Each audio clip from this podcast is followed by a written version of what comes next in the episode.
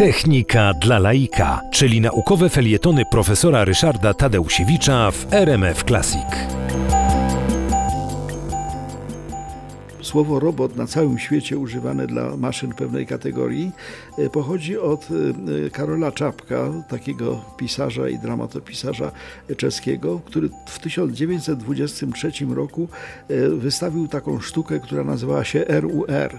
No i na tej, w tej sztuce po raz pierwszy wystąpiły takie człowiekokształtne twory, które miały człowieka zastępować w różnego rodzaju czynnościach. Została do tego przypisana nazwa robot i ta nazwa robot się przyjęła.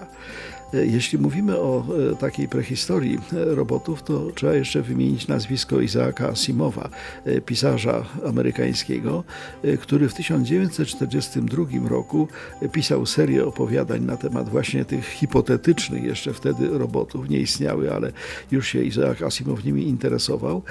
No i sformułował tak zwane trzy prawa robotyki, które miały chronić ludzie przed ewentualnymi złymi skutkami działania robotów.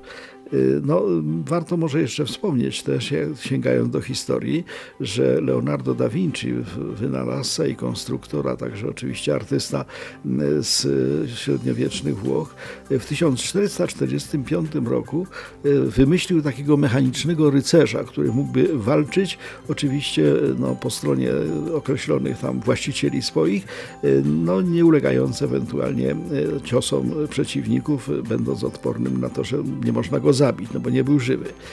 Tego robota nie zbudowano e, w czasach Leonarda, e, ale w 2010 roku Włoch Gabriele Nicolai zbudował dokładną kopię, to znaczy według rysunków Leonarda zbudował tego robota dokładnie tak, jak sobie Leonardo da Vinci wyobrażał i okazało się, że on rzeczywiście był zdolny do, do pewnych ruchów, mógłby ewentualnie uczestniczyć w walce. No, ale to są wszystko oczywiście historie, takie e, prehistorie. Natomiast prawdziwa historia robotów zaczęła się od Charlesa Charlesa Devola, e, który wyprodukował i stworzył w firmie Unimate pierwszą e, taką linię produkcyjną robotów. No i te pierwsze roboty były zaangażowane w, e, w firmie General Motors i przepracowały 100 tysięcy godzin bez usterki. Wobec tego no, przyjęły się na całym świecie, no i na dobrą sprawę w tej chwili nie, nie wyobrażamy sobie nowoczesnego świata bez robotów. A trzeba powiedzieć, że robotem, który odegrał największą rolę, to był robot Puma, e, który powstał w Massachusetts Institute of Technology.